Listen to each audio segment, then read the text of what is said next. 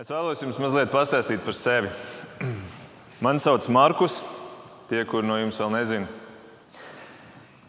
Es esmu 1,95 m garš, man ir 22 gadi, man ir melna ādas krāsa, un jā, es esmu sieviete. Izskatās, ka jūs man neticat. Jūs man neticat. Kā jūs labi saprotat, tā, protams, nav patiesība. Tā nav patiesība. Tā nav mana īstā identitāte. Tas nebija grūti to noteikt. Vienalga, ko es saku, vienalga, ko es domāju, un vienalga, ko saka man apkārtējie cilvēki, es esmu tas, kas es esmu. Nevis tas, ko es domāju, kas es esmu, vai tas, ko citi cilvēki domā, kas es esmu. Es esmu, kas es esmu. Un to apliecina mums dotie mēri, mērvienības, mērogi, mērauklis, pēc kurām mēs šādas lietas varam izmērīt. Mēs varam izmērīt patiesību ar šiem instrumentiem.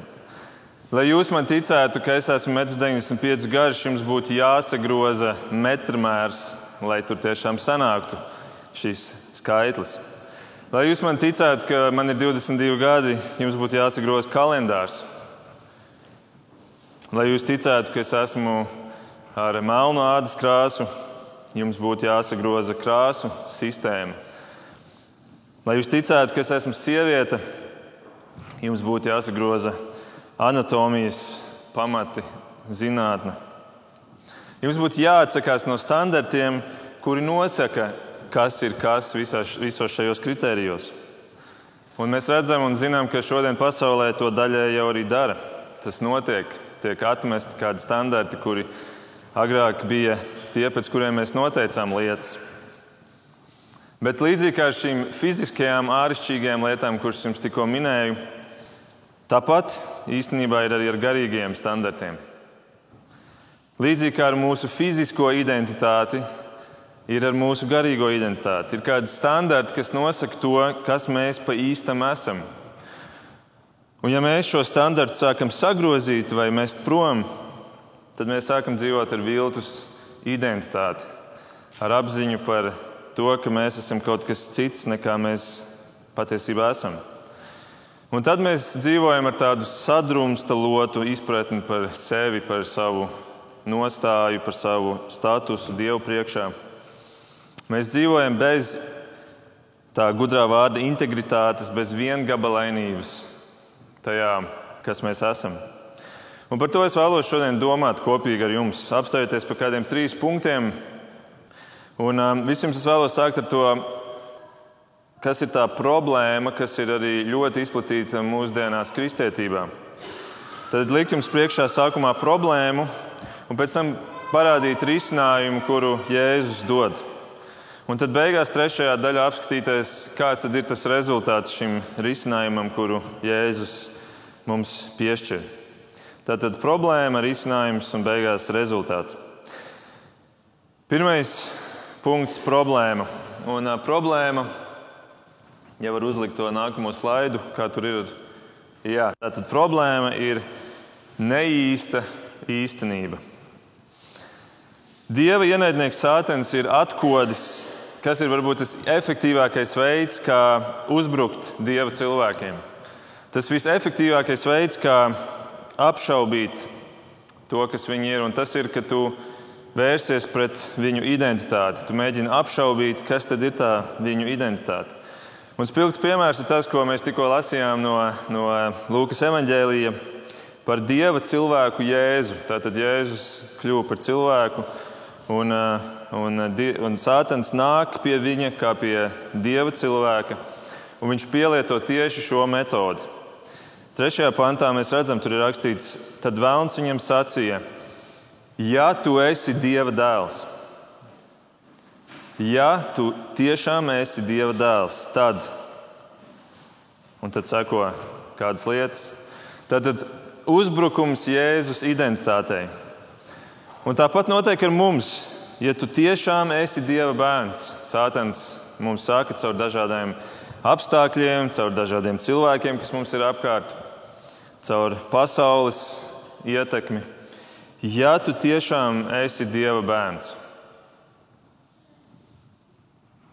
un mums liek šaubīties, vai tas, ko mēs redzam, kas notiek mūsu dzīvē, vai tas tiešām varētu būt atbilstoši tam, ka mēs esam Dieva bērni. Tad, tad caur tādiem apstākļiem, caur lietām, caur cilvēkiem, kas ir apkārt cēlonis, mums klusām čūkst, ja tu tiešām esi Dieva bērns, tad tavai dzīvei vajadzētu būt spilgtākai. Tavai dzīvei vajadzētu būt veiksmīgākai. Tev vajadzētu būt varbūt bagātākam, turīgākam, pārtikušākam nekā tu esi. Tev vajadzētu būt veselam. Tu taču esi Dieva bērns, tev vajadzētu būt veselam. Tev vajadzētu būt ietekmīgākam, tā kā paskaties uz tiem pasaules izcilajiem cilvēkiem. Tu esi Dieva bērns, un tu esi tāda pelēka pēle, vidusmēra cilvēks šajā sabiedrībā. Un, ziniet, un tā mēs nemanām, sākam salīdzināt savas dzīves ar, ar to, ko mēs redzam ārā pasaulē. Mums sāk kļūt svarīgi, ko citi cilvēki par mums domā.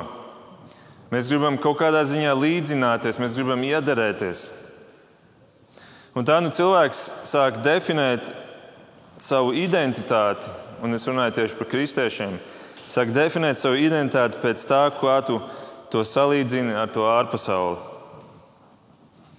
Un, ziniet, tā jau nav tikai mūsu problēma. Tā patiesībā ir jau no pirmā, pirmajiem cilvēkiem. Ja mēs apskatāmies atpakaļ ēdienas dārzā, kā Ādamu iedvesmoja cilvēks. Ādamu iedvesmoja cilvēks spērt soli, kas bija grēkā krišana. Ādamu iedvesmoja ieva. Nezinu, vai viņi būtu pavilkušies šim grēkam, ja viņi būtu vieni paši tur ēdienas dārzā. Ja viņi nebūtu iedvesmojušies no tā otra cilvēka, redzot, ka tas otrs cilvēks ir atvērts šim solim, tas otrs cilvēks jūt, ka tas varētu būt kaut kas labs.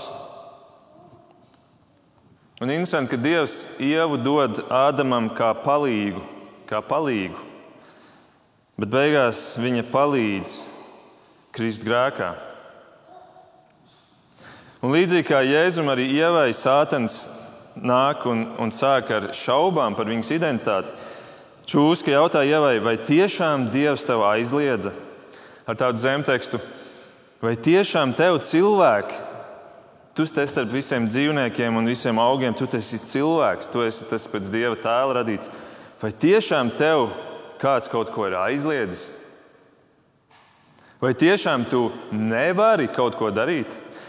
Vai tiešām tu neesi kungs pār savu dzīvi?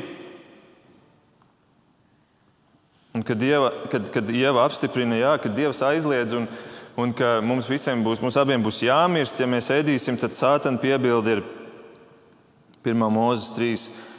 Mirt jūs nemirsiet.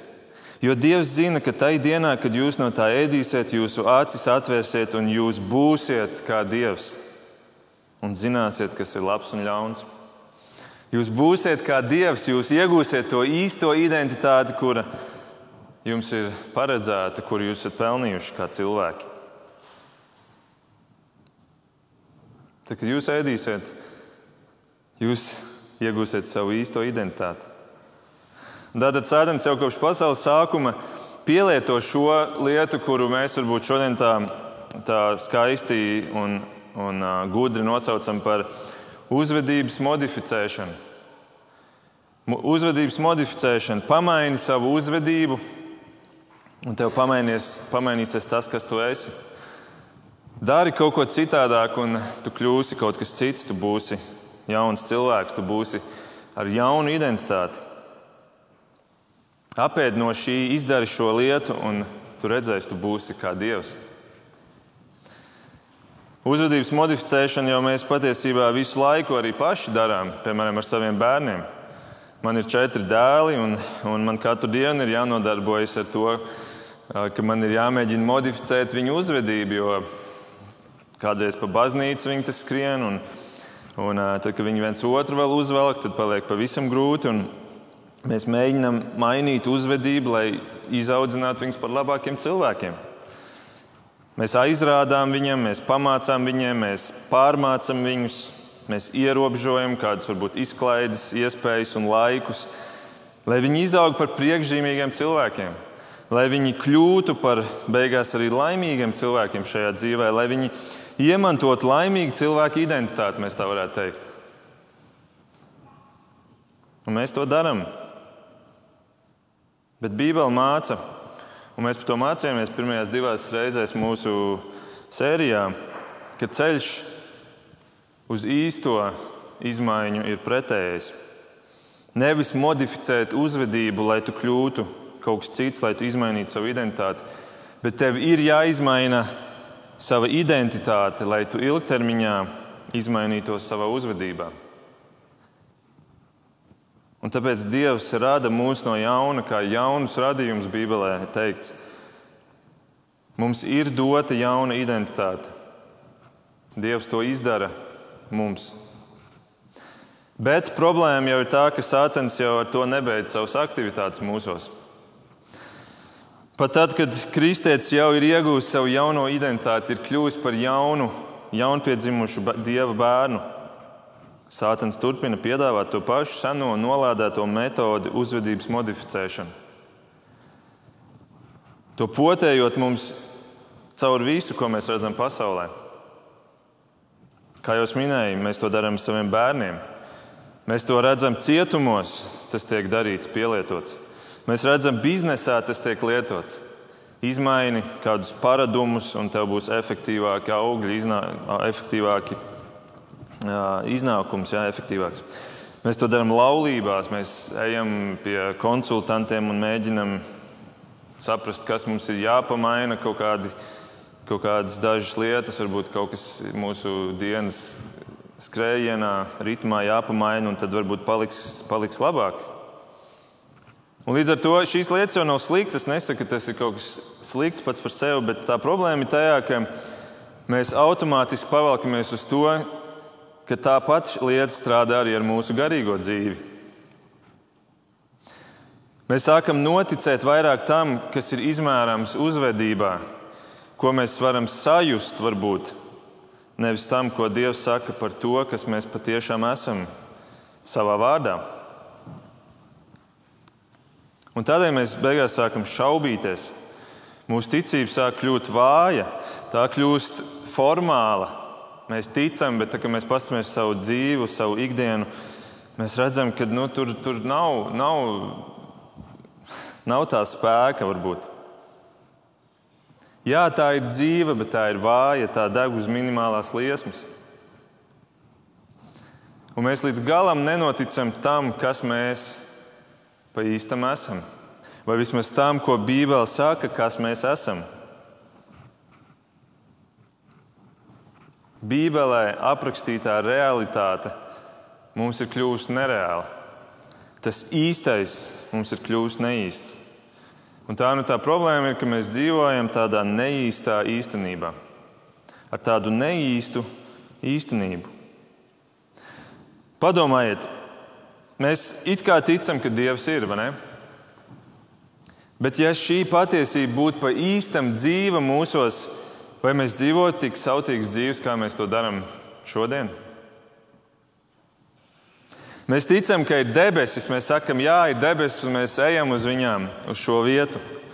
Bet, ja šī patiesība būtu dzīva mūsos, vai mēs dzīvotu tik tuvredzīgas dzīves, kā mēs to darām tagad, ar tik lielu fokusu uz to šodienu un šeit,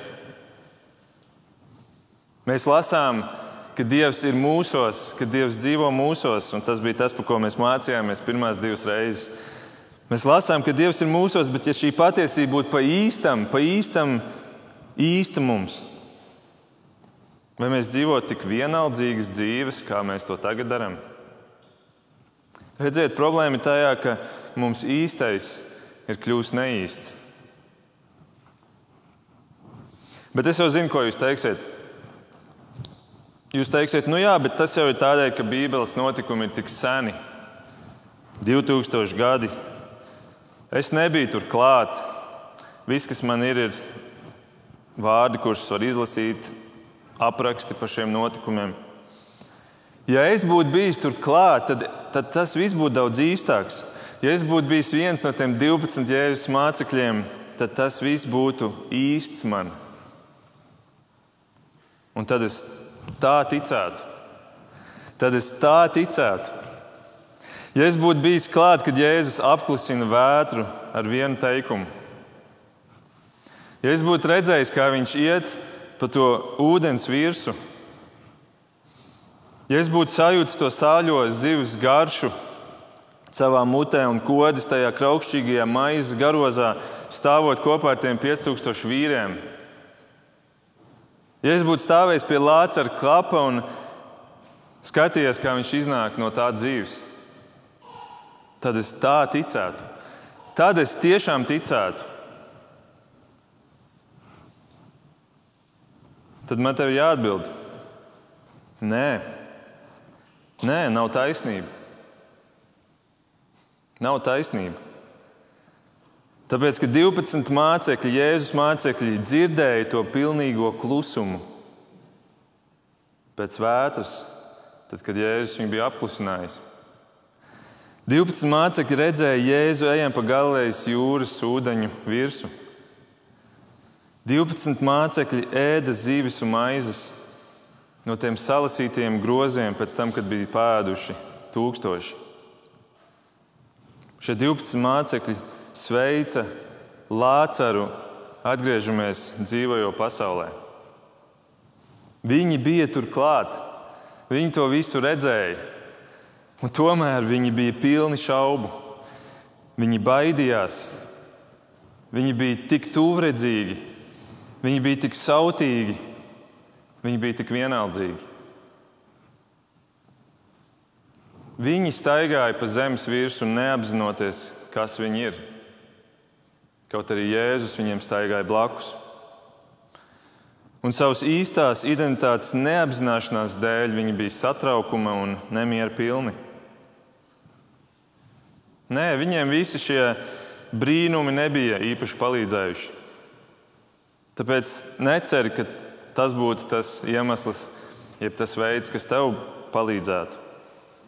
Viņiem nebija palīdzējuši šie brīnumi apzināties savu īsto identitāti.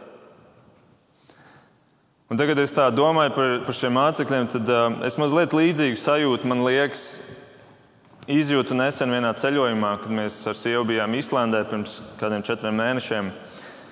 Mēs bijām tur laikā, kad bija noteikums, ka tu ielido lidostā Reikjavikā un tad tev ir jāveic tests. Um, un, un tad tev ir jābrauc uz viesnīcu un jāgaida tā kā tādā mazā karantīnā, kur tev jāgaida īziņa. Un parasti šī īziņa bija rakstīts, ka pienāk 3 līdz 24 stundu laikā. Un kamēr tu neesi saņēmis šo īziņu, tu ne, ne, tev nav atļauts doties. Tu neesi brīvs doties Īslandes zemē. Tev ir jāgaida savā izolācijā. Pēc tam tu būsi brīvs un tu vari doties, un viss ir forši. Sievai šī īziņa pienāca pēc sešām stundām. Man nepienāca tajā dienā. Un, jaunais rīts sākās, nākamais rīts, es paņemu telefonu un īziņas nav. Un tad es sāku zvanīt uz visiem telefonu numuriem, kas ir pieejami, visiem izziņu uh, telefonu numuriem. Neviens neceļ, nekur neviens neatbild. Ir sestdiena, vēl pēc tam garā nedēļas nogalē, jo viņiem pirmdiena un otrdiena ir brīva. Un tad ir jautājums, ko man tagad darīt? Man izčakoties un braukāt pa Īslandiju bez šīs atļaujas, kuras esmu saņēmis vai tomēr pagarināt savu viesnīcas uh, rezervāciju un gaidīt tagad, un nezinu, cik ilgi, varbūt līdz trešdienai būs jāgaida. Un man bija tāda dilemma, bet nu, beigās mēs izlēmām, ka dosimies ceļā. Mēģināsim neuzskriet kādiem likuma sargiem, bet uh, nu, dosimies un ko mēs tur darīsim tagad tik ilgi. Un, un uh, tad vēl būtu jāceļ visas pārējās viesnīcas, kas bija rezervētas tālākajām dienām. Un tā nu es visu sestdienu, visu svētdienu, visu pirmdienu un arī visu otrdienu nodzīvoju ar iekšēju nemieru. Ar iekšēju nemieru par to, vai es vispār drīkstu šeit atrasties. Man bija jāuzmanās, un mēs arī centāmies nekur neuzskriet kādai policijas mašīnai, kur varbūt eh, patrulē. Katru rītu, kad pamodos, man burtiski bija tāda slikta sajūta, ka tā kā tādam noziedzniekam, ka tu īsti nesaproti, vai tu vispār šeit drīkst būt. Un tā nu es dzīvoju ar apziņu, ka mana identitāte ir likuma pārkāpējs. Un tā arī visu ceļojumu laikā man nepienāca šī izziņa. Un tikai pēc tam, kad es biju atgriezies atpakaļ Latvijā un kas ar kādiem, kādiem padalījos par šo savu pieredzi, tad man kāds uzrakstīja, ka izrādās kaut kur bija rakstīts, un es ļoti daudz biju lasījis, bet es nebiju uzgājis šo informāciju, ka, ja tu 24 stundu laikā nesaņem īziņu, tad uzskati, ka tā ir negatīva testa atbilde. Un tā es visu šo laiku nodzīvoju šo nemieru sirdī, domājot, ka es esmu pārkāpis likumu, ka man jābūt karantīnā, kaut arī patiesībā es biju brīvs cilvēks. Man bija identitāte, brīva cilvēka identitāte, bet es to neapzinājos. Un es dzīvoju šajā nemierā un neziņā, un es domāju, līdzīgi bija šiem 12 mācekļiem Jēzus. Viņiem jau bija dota jaunā identitāte. Jēzus to bija viņiem apstiprinājis augšstabā, ka jūs esat jau mazgāti, jūs esat tīri, jūs esat jaunpiedzimuši Dieva bērni bet viņi to neapzinājās. Viņi šaubījās, baidījās un skuma. Bet tas viss līdz vienam brīdim, līdz vienam notikumam, kas izmainīja visu viņu dzīvi, kas pagrieza viņus kājām gaisā, kas diametrāli pretēji uz visiem laikiem izmainīja viņu dzīves gājumu. Un tā ir mūsu otrā daļa - risinājums. Un tas risinājums ir, jūs varbūt būsiet pārsteigti, tas risinājums ir personīgs psihologs. Jēzus dod risinājumu šai situācijai. Un es aicinu aiziet uh, uz otru raksturvietu, kuru Arvis lasīja ievadā. Tas ir Jāņa evanģēlīja 16. nodaļa. Tad aiz Lūkas evanģēlīja nākamā ir Jāņa Un tas ir brīdis, kad Jēzus atrodas augšstabā ar šiem saviem mācekļiem. Tā ir viena diena pirms Jēzus nāves. Tā ir pēdējā uzruna, kurā Jēzus mācekļiem tagad izklāsta, kā izskatīsies tālākais plāns. Viņš izstāsta, kas ar viņu pašu notiks, viņš izstāsta, kas ar viņiem notiks. Viņš izstāsta, kā viņš tiks piesists krustā un kā viņi pēc tam tiks vajāti un izslēgti no draudzes, no sinagogas vēsti tiesas priekšā un pat nokauti. Viņš viņiem izstāsta, ka viņu ceļi tagad šķirsies. Un ka Jēzus dosies prom uz vietu, kur viņi nevar nākt līdzi. Un kā jums šķiet, kāda bija 12 mācekļu reakcija uz šo? Viņi bija manāmi sašķukuši, viņi bija manāmi nobijušies, noskumuši jo viņi bija vēl šie vecie mācekļi. Izlasīsim to vēlreiz 6 līdz 8 pantu. Jēzus viņiem saka, jūsu sirds ir skumji pārpilna tādēļ, ka to jums esmu pateicis. Taču, tagad pagrieziena punkts. Taču es jums saku patiesību. Jums ir labāk, ka es aizeju. Ja es neaizeju, aizstāvis pie jums nenāks bet ja es aizeju, es viņu sūtīšu pie jums.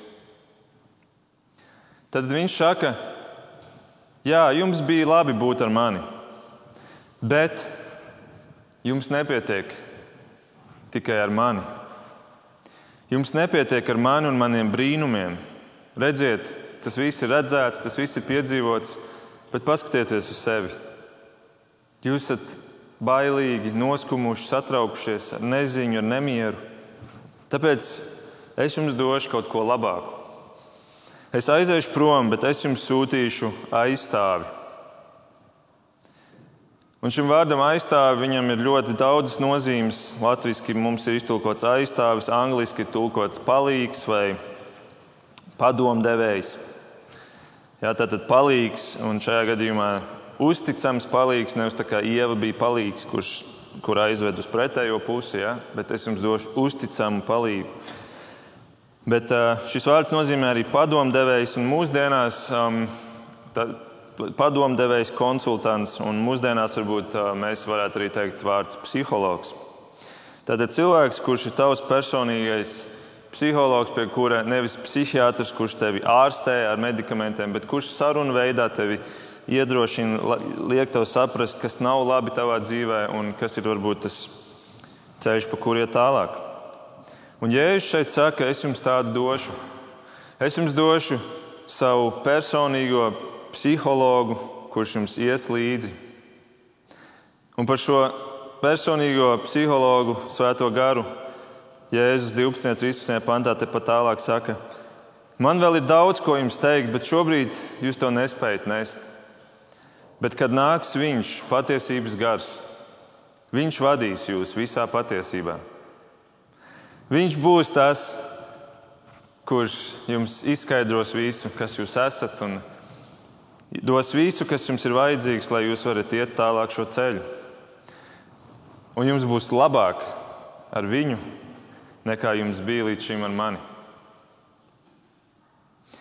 Un mēs jau šodien, 21. gadsimtā, zinām, ka šis psihologs tika dots katram no šiem mācekļiem vasaras svētkos, tas izmainīja visu viņu būtību diametrāli pretēji.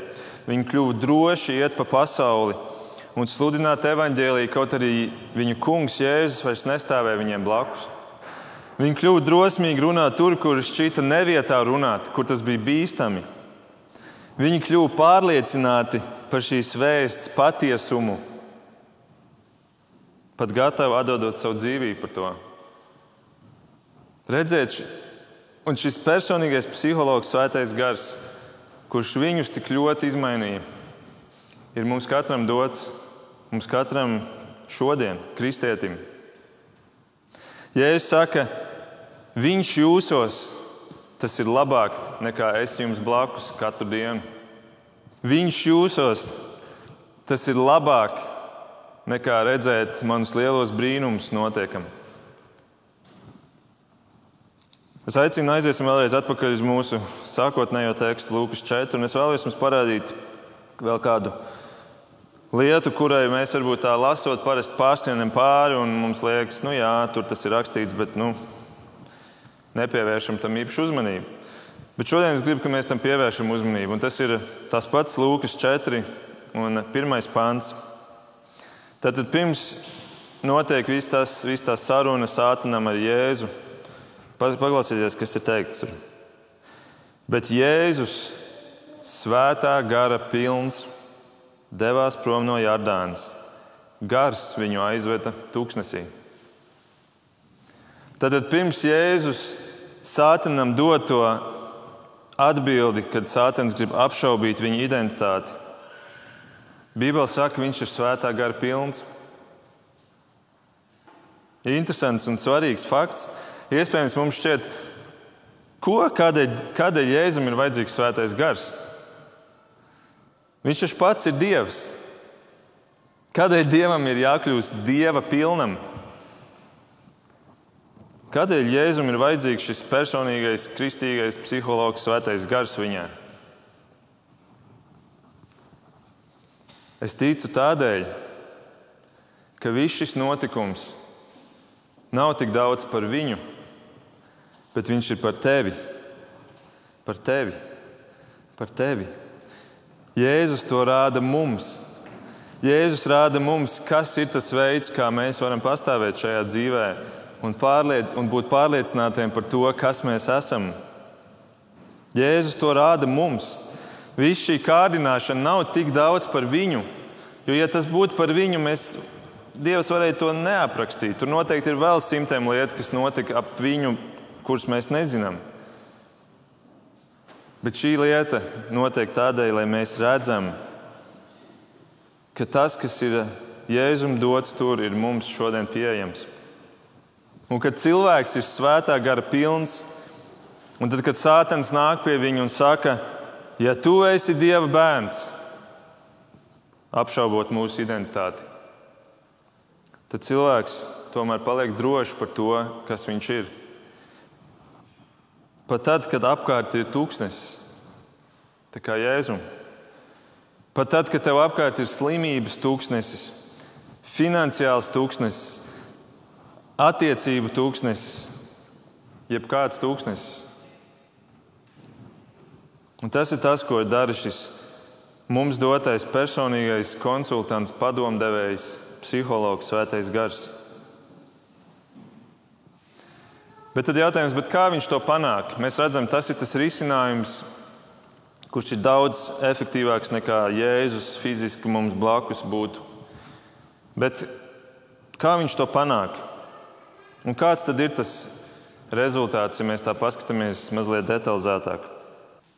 Un tā nu trešā daļa rezultāts, un tas rezultāts mums ir, ka mēs beigās varam teikt, mēs esam tuvāk Dievam. Tad pēc problēmas neīstā īstenība ir risinājums mums personīgs padomdevējs, psihologs, svētais gars. Un tas rezultāts no tā visa ir, ka mēs esam tuvāk Dievam. Bet tomēr ne tā, kā mēs to varbūt sākumā domājam. Es pat teikšu, pat ne tā, kā mēs to dziedājām iepriekšējā dziesmā. Jo mums varbūt šķiet, ka mēs varam Dievam kaut kā tuvoties, kā kristieši. Ka mēs varam viņam kaut kā pietuvoties ar vien vairāk. Ka mēs varam kaut kā no viņa attiet un tad atkal pietuvoties. Bet nē, un par to ir visa šī doma un visas šīs trīs pirmās reizes. Tu jau esi maksimāli tuvu Dievam šobrīd. Dievs ir tevī, Svētais Gars ir tevī. Kā viņš vēl var būt tuvāk tev klāt, ja viņš jau ir tevī? Tuvāk vairs nevar. Tātad personīgā psihologa svētā gara darbs ir tas, ka nevis mēs nonākam tuvāk Dievam, vai Dievs nonāk tuvāk mums,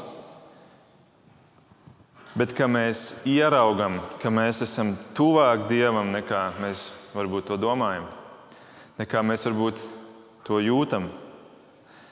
Ka, viņš, ka mēs to ieraugam, ka Viņš ir mums tuvāk nekā mēs iztēlojamies, nekā varbūt mūsu dzīve par to liecina nekā varbūt citi cilvēki apšaubot mūsu identitāti, to apgalvo. Un to jau arī dara psihologi. Viņi nemēģina tik daudz mainīt varbūt tavu uzvedību, modificēt tavu uzvedību, kā vairāk likt tev ieraudzīt to realitāti tavā dzīvē. Un šis personīgais psihologs, svētais gars, tieši to pašu dara ar mums. Un ja mēs klausītos viņā, mēs, mums mazāk būtu jāklausās citos skolotājos. 1. Jāņa 2 teikts, lai jūsos paliek tas svaidījums, ko jūs no viņa esat saņēmuši, un jums nevajag, ka jūs kāds mācītu, bet ka viņa svaidījums jums māca visu. Šis svaidījums ir šis svētais gars. Es ticu, ka kristiešiem nevajadzētu pat cilvēciskus, pat kristīgus psihologus Vienalga, cik viņi ir labi un cik viņi ir garīgi un kristīgi, ja viņi ieklausītos vairāk šajā personīgajā psihologā, svētajā garā. Bet kā viņš panāk šo savu apbrīnojamo rezultātu? Kā viņš māca, caur ko viņš māca? Un mēs jau tuvojamies beigām. Tā kā vēl mazliet esiet ar mani un uh, padomājam par arī mūsu dzīvēm.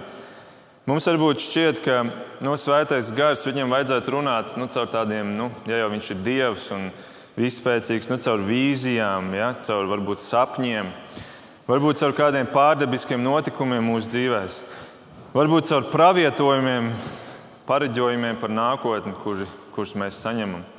Varbūt caur kādām runāšanām mēlēs, kā tas ir arī šodien populāri pieņemts kādās konfesijās ka tā ir tā pazīme, ka svētais gars ir tevī. Šīs lietas var būt labas un kādreiz arī noderīgas, bet mums nevajag domāt tik sarežģīti. Tad jau viņš nebūtu psihologs, bet viņš būtu kaut kāds brīnumdars. Bet, ja mēs uzmanīgi skatāmies Svētais gars un Jēzus vienmēr iet prom no tā tēla, ka es esmu brīnumdars. Tātad viņš nemāca ar šādām milzīgām, spožām lietām, bet viņš māca caur vienkāršām lietām. Pirmkārt, caur Bībeli. Viņš māca caur Bībeli. Šis ir viņa autora darbs. Ja te būtu jāizvēlās no visiem šiem autoriem viens un jāuzraksta priekšā, te būtu rakstīts Svētais gars. Viņš zina, kas te ir rakstīts, viņš zina, ko tas nozīmē. Un, ja viņš ir tevī, tu sāki saprast to. Ja viņa tevī nav, tu lasi un tev liekas, nu, tik sarežģīti, nu, tik murgaini, nu, tik šodien nepieņemami. Bet, tā, kad viņš ir tevī, tu sāc to saprast. Vēl viņš to dara caur dievkalpojumu. Caur dievkalpojumu nevis mēs nākam, lai atķeksētos, ka mēs esam labi kristieši un mēs regulāri apmeklējam dievkalpojumu un mēs kalpojam Dievam caur to. Dievkalpojums patiesībā nozīmē Dievs kalpo jums. Dievkalpo jums. Dievs kalpo mums. Caur mazajām grupām, caur kristiešu sadraudzību, caur kalpošanu draudzē, caur svēto vakarēdienu. Tie visi ir veidi nevis kā mums pietuvoties Dievam, jo Viņš mums jau ir pavisam tuvu, bet kā mēs varam sev un kā Svētais Gars mums atgādina, cik tuvu Viņš mums ir. Un ja mums šķiet, kādreiz manā dzīvē ir tik, tik manā dzīvē viss ir tik slikti. Es esmu tik neefektīvs. Man ir tik slikts attiecības. Es neesmu labs, labs paraugs tur, kur es esmu, par to, kas ir kristietis savā darbā un draugu vidū. Tad jautājums ir, Vai tu klausi tam psihologam, kurš ir tev ielikts tevī? Vai tu nāc uz šiem dievkalpojumiem? Vai tu esi kādā mazajā grupā, vai tu kalpo draudzē, tev ir kāda kalpošana, kur tu esi uzņēmies? Vai tu klausies to, ko Bībele saka? Vai tu meklē būt sadraudzībā ar kristiešiem? Ja tava atbilde ir nē uz kādām no šīm lietām, tad kādēļ tu brīnies, ka tu esi tik neapmierināts ar dzīvi, ja tu neklausi tajā, ko tev šis Dievs, šis svētais gars saka? Nebrīnies, ka tava dzīve tad ir tik nepiepildīta un tu jūties tik tālu no Dieva. Jo tu vienkārši esi atteicies no tā, ko Dievs ir tev devis kā atgādinātājus par to īstenību tavā dzīvē, par to patiesību, par to realitāti kas tu esi, kas ir tava identitāte. Tā nu, noslēdzot, ja mēs paskatāmies vēlreiz uz šīm trim lietām, no problēmas par to, ka mēs dzīvojam ar tādu sajūtu, ka mūsu aprakstītā īstenība nav nemaz īsta mūsu dzīvēm. Tas risinājums ir, ka mūsos ir jāienāk šim svētajam garam, bet ar to vēl nepietiek. Mums ir jāklausa viņš. Un tad mēs apzināsimies, ka Dievs mums ir tuvāk nekā mums šķiet. Ka Dievs mums ir tuvāk nekā varbūt mums ir sajūta, ka Viņš ir. Viņš ir tuvāk mums nekā varbūt mums liekas tajā tūkstnesī, kurā mēs iespējams esam arī šodien savā dzīvē. Bet es vēlos noslēgt ar pēdējo jautājumu. Tas ir šis. Ja nu tu jūties tālu no dieva un tiešām šī dieva nav tevī, ja tiešām tu dzīvo viens un tevī nav šī padomnieka, padomdevēja, tevī nav šī personīgā psihologa, pie kur tu vari griezties un kurš tev māca visu patiesību. tad tiešām ir pamats tam, ka tu jūties tā, kā tu jūties. Un tu dzīvo šo lielo, grūto dzīvi viens, un tu centies rakties cauri un cīnīties ar lietām, kuras ir lielākas par tevi. Tad gan man te ir jāsaka, tuvojies viņam, jo viņš nav tālu nevienam no mums. Tuvojies viņam un lūdz viņam atdošanu par to, ka tu esi baudījis dzīvi, dzīvojot vienam pašam, ka viņš tev nav bijis vajadzīgs līdz šai dienai. Viņš nav tālu nevienam no mums, un Dievs kļuva par cilvēku, lai viņš būtu tuvāk cilvēkam, lai viņš būtu saprotams cilvēkam, lai viņš būtu pieejams cilvēkam. Un Jēzus ir tās durvis, tās durvis, kuras ved uz tuvumu ar Dievu, uz šo jauno identitāti, kas pēc tam, kad ir tava identitāte izmainīta, arī izmainīs tavu dzīvi. Lūksim Dievu. Debes Tēvs, paldies par Tavu vārdu. Paldies, Kungs, ka Tu esi mums tuvu, Tu esi daudz tuvāk nekā mums liekas, jo mēs tik daudz klausāmies šajā pasaulē. Mēs klausāmies tajā, ko Sātans vēlas, lai mēs dzirdam. Palīdz, kungs, ka mēs vairāk klausītos tevī. Un paldies par visiem šiem atgādinājumiem, ar kuriem tu mums parādi, kas mēs pa īstam esam. Lūdzu, svētī katru no mums, un arī tos, kuri varbūt vēl dzīvo vieni paši bez tevis. Lūdzu, kungs, nāc un esi žēlīgs. Un eh, lūdzu, dod, ka šīs durvis Tu, Jēzu, šīs durvis varētu arī viņu priekšā tikt atvērtas, un viņi varētu ienākt un dzīvot ar tevi.